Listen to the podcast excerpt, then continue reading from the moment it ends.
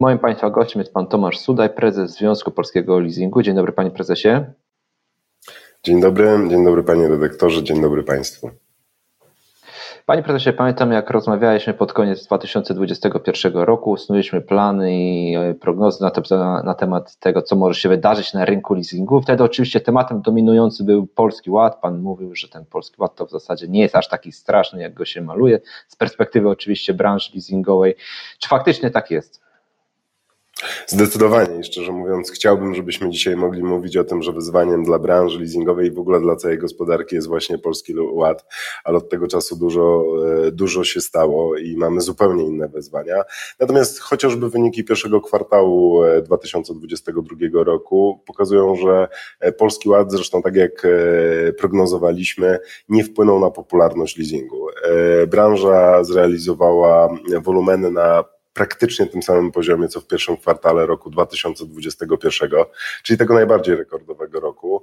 E, I to tylko kolejny dowód i potwierdzenie na to, że produkty oferowane przez leasingodawców są tymi, które najchętniej polscy przedsiębiorcy wybierają właśnie w czasach tak dużej, e, ogromnej niepewności, Przede wszystkim ze względu na to, o czym mówiliśmy, nie korzyści podatkowe i nie mm, to, co się zmieniło w ramach Polskiego Ładu, czyli możliwość wykupu, czy tam zmianę w zakresie możliwości wykupu e, prywatnego pojazdu, ale na te wszystkie pozostałe czynniki, czyli elastyczność oferty, uwzględnienie specyfiki zarówno klienta, ale też aktywa, które klient finansuje, czyli dostosowanie właśnie do konkretnej potrzeby. Wspomniał Pan o tym, że Polski Ład to w zasadzie dzisiaj nie jest problem, ale są też inne wyzwania. E, no tych e, wyzwań jest e, szczerze mówiąc bardzo dużo, bo to jest inflacja, wysokie ceny paliwa, stopy procentowe, niepewność dotycząca biznesu, wojna na wschodzie. No, jak Wy patrzycie na te wszystkie czynniki? Które z, jakby z tych właśnie wymienionych, a może jakieś inne czynniki są dla branży dzisiaj największym wyzwaniem? Bezpośrednio największym wyzwaniem jest wciąż e, zaburzony łańcuch dostaw. Już pandemia spowodowała, że ta dostępność aktywów była e, dużo bardziej ograniczona niż w poprzednich latach. E, kryzys związany z wojną na Ukrainie jeszcze te wyzwania pogłębił. Pod koniec roku prognozowaliśmy bardzo dobre wyniki w, w tym 2022 roku, właśnie zakładając, że szczególnie już w drugim półroczu mm, tego roku e, te wyzwania związane z dostępnością aktywów będą zdecydowanie mniejsze. To, co dzisiaj obserwujemy, e, to, e, to wciąż zaburzony łańcuch dostaw, brak pojazdów, szczególnie samochodów osobowych i samochodów ciężarowych i to na pewno bezpośrednio wpływa na branżę, chociaż z drugiej strony, tak jak mówiłem, wyniki pokazują, że ta sytuacja jest w miarę stabilna, realizujemy podobne wolumeny jak w pierwszym kwartale poprzedniego roku. E, patrząc znowu z perspektywy makroekonomicznej, e, to rzeczywiście my tego wpływu dzisiaj bezpośrednio e, nie notujemy, natomiast faktycznie naszym przedsiębiorcom przychodzi działać po pierwsze w bardzo dużym, bardzo dużej niepewności, po drugie inflacja, ceny paliw, to wszystko wpływa na działanie firm, ale z drugiej strony też jest fundamentem do tego, żeby podejmować decyzje o inwestycjach, szczególnie tych, które mogą zwiększyć efektywność firmy. Jeżeli mówimy o kosztach paliwa, to zakupy samochodów bardziej oszczędnych, e, o niższych emisjach e, spalin. E, no, to są takie podstawowe działania, które mogą poprawić efektywność działania przedsiębiorstwa właśnie w takich czasach, w których każda złotówka zaczyna się liczyć i my jako branża leasingowa staramy się na te potrzeby klientów odpowiadać, stale doskonaląc ofertę, uzupełniając ją o dodatkowe elementy, które pozwalają też chronić przedsiębiorców przed chociażby wpływem takich czynników jak galopujące galopujące ceny, czy rosnące chociażby stopy procentowe. Stąd e, dość popularną też w ofercie leasingodawców e, e, jest też usługa, czy, czy umowa leasingu oparta o stałą stopę, która jakby z tej perspektywy praktycznej zabezpiecza naszych przedsiębiorców przed tym, co się dzieje, czyli rosnącymi cenami finansowania. Poruszył Pan tutaj bardzo y, wiele ciekawych wątków. Wróciłbym na chwilę jeszcze do tej dostępności y, samochodów. Myśli Pan, że to jest y, temat taki na dłuższą metę? Czy, czy, czy może widzi Pan takie szanse na to, że jednak ten problem w jakimś stosunkowo krótkim czasie zostanie jednak rozwiązany? Znaczy, e, ciężko tutaj mówić o perspektywach.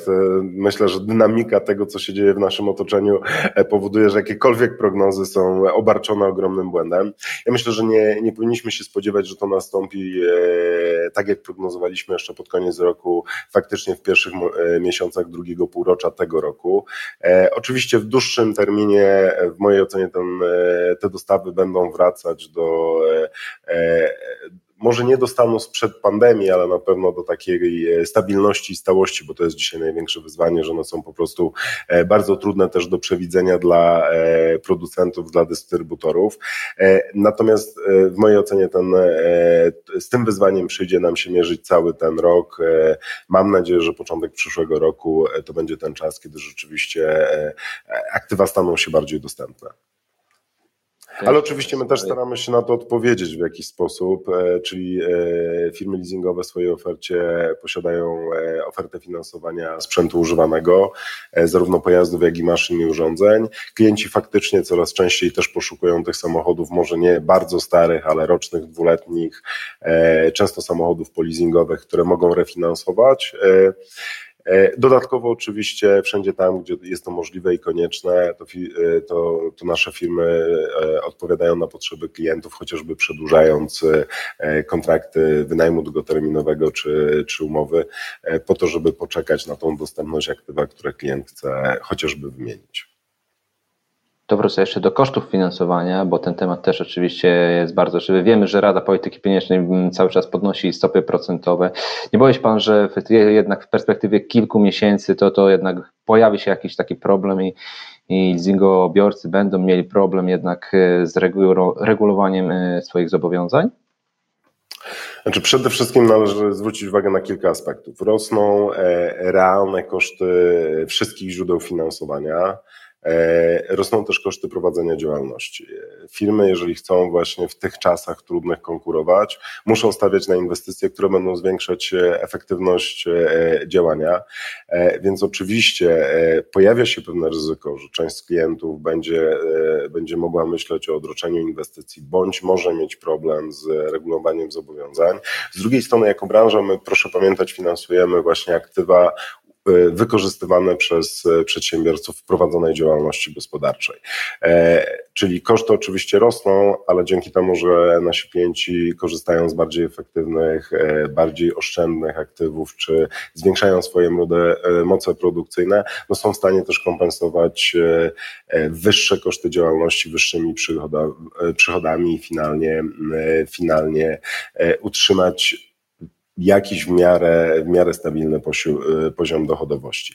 Na ten moment nie, nie obserwujemy, żeby te rosnące stopy przekładały się na e, wzmożoną aktywność klientów, którzy wracają z problemami związanymi z możliwością płatności rad leasingowych. Poza tym też proszę pamiętać, że jako branża leasingowa no naszym podstawowym zadaniem i celem jest e, doprowadzenie do tego, żeby nasz klient korzystał z aktywa, które finansuje, którego, które użytkuje, więc wielokrotnie na indywidualne potrzeby klientów odpowiadamy, korygując harmonogramy, podpisując różnego rodzaju aneksy, czy dostosowując e, spłatę do, do bieżących możliwości e, konkretnego e, przedsiębiorcy.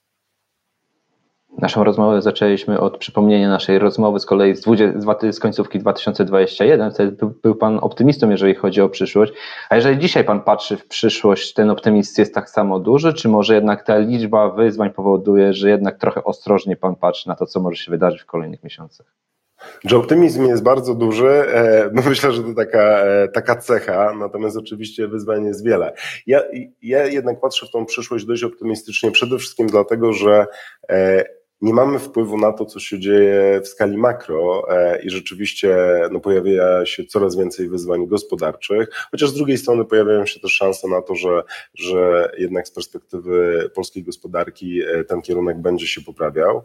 Natomiast to, co powoduje, że jednak wierzę w, w to, że ta przyszłość e, nie rysuje się w jakichś czarnych barwach, to właśnie sposób, w jaki branża leasingowa działa od lat. W zeszłym roku wartość aktywnego portfela umów leasingowych po raz pierwszy w historii przekroczyła e, e, wartość e, udzielonych kredytów inwestycyjnych przez banki firmom, no to pokazuje, że jednak produkt leasingowy jest który, na który przedsiębiorca patrzy w pierwszej kolejności. Z drugiej strony no, żyjemy w bardzo dynamicznym otoczeniu gospodarczym i światowym i europejskim. Ja nie wierzę w to, że my wrócimy do czasów, kiedy ta gospodarka czy te, te wszystkie procesy zwolnią. Raczej trzeba się spodziewać, że to tempo naszego życia będzie przyspieszać, co też powoduje, że właśnie elastyczne rozwiązania, że branże, które potrafią szybko reagować na to, co się dzieje w otoczeniu, no powinny patrzeć spokojnie. Natomiast oczywiście no jest, jest to zagrożenie związane z tym, jak będzie, jak będzie wyglądać kondycja naszej całej gospodarki, firm. No i to jest pewnie główne wyzwanie, czy główny temat, do, który dyskutujemy i nad którym się zastanawiamy. Panie prezesie, to jeszcze na koniec jeden temat, który bardzo mocno wybrzmiał w czasie pandemii, to oczywiście digitalizacja w obszarze leasingu. Na czym dzisiaj stoimy? Niektórzy szczególnie ją zapowiadali, ale jaki jest stan faktyczny? Tutaj mogę powiedzieć, że akurat kilka dni temu e, ten temat pojawił się na liście prac legislacyjnych Rady Ministrów. Został zaadresowany w tym pierwszym kroku e, na drodze zmian legislacyjnych. To jest oczywiście ogromna szansa e, do tego, żeby branża leasingowa dalej przeprowadzała ten proces transformacji i cyfryzacji. To znowu jest kluczowe z perspektywy tego, żeby zapewnić naszym klientom, przedsiębiorcom jeszcze większą dostępność naszej oferty. Objąć swoim działaniem chociaż chociażby mm, obszar całego rynku e-commerce, czy wreszcie dostosować proces finansowania i e, zawierania umowy leasingowej do sposobów, w jaki dzisiaj bardzo często już dostawcy dostarczają aktywa, czyli właśnie do tego procesu online. E, to nas bardzo cieszy. Oczywiście przed nami e, ten cały proces legislacyjny, który też zajmuje dużo czasu. Jeszcze pewnie wiele dyskusji o szczegółach, bo jak na ten moment to, to tak jak mówię, dopiero informacja, że, że jest to w tym harmonogramie pracy legislacyjnych Rady Ministrów, no ale to też dowód na to, że, że nasze władze, że, że rząd e, dostrzega tą potrzebę. E, no i powinniśmy patrzeć na to jako na ogromną szansę dla branży, żeby zrobić ten krok dalej. Jakby ciężko z tym dyskutować. Ja myślę, że, że w wielu obszarach jest tak, że mm, e, zmiany biznesowe postępują dużo szybciej niż to dostosowanie otoczenia legislacyjnego, podatkowego, prawnego i tak dalej. To w, w, każdym obszarze naszego życia. Natomiast jak widać, no, ten proces e, konsekwentnie następuje. Wierzę w to, że w tym roku będziemy mogli e, wreszcie powiedzieć, że leasing jest dostępny w pełni cyfrowo i przestaniemy być tym ostatnim produktem, dla którego ta forma dokumentowa nie jest dopuszczona. Mówiąc krótko, przed leasingiem bardzo ciekawe czasy. Tomasz Sudaj, prezes Związku Polskiego Leasingu, był moim Państwa gościem. Bardzo dziękuję, panie prezesie. Dziękuję panie redaktorze, dziękuję państwu.